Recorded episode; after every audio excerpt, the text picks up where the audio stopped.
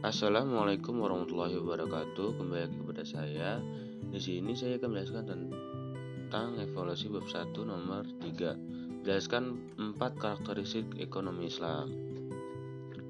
Yang pertama itu ada adil, tumbuh sepadan, bermoral dan beradab. Yang pertama adil. Adil dipanai sebagai suatu keadaan bahwa terdapat keseimbangan atau profesional di antara semua penyusun sistem perekonomian. Perlakuan terhadap individu secara setara, setara atau non-diskriminatif, baik dalam kompensasi. Yang kedua, tumbuh sepadan. Pertumbuhan ekonomi tidak harus tinggi atau cepat, namun stabil dan berkesinambungan atau pertumbuhan simbang dari seluruh aspek ekonomi. Yang ketiga itu bermoral pada kesadaran yang bersumber dari ajaran agama Islam bahwa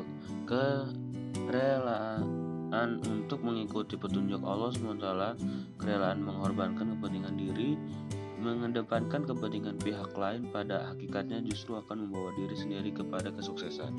Yang terakhir adalah beradab perekonomian yang menjunjung tinggi nilai-nilai luhur bangsa tanpa mengurangi unsur syariat Islam dalam di dalamnya.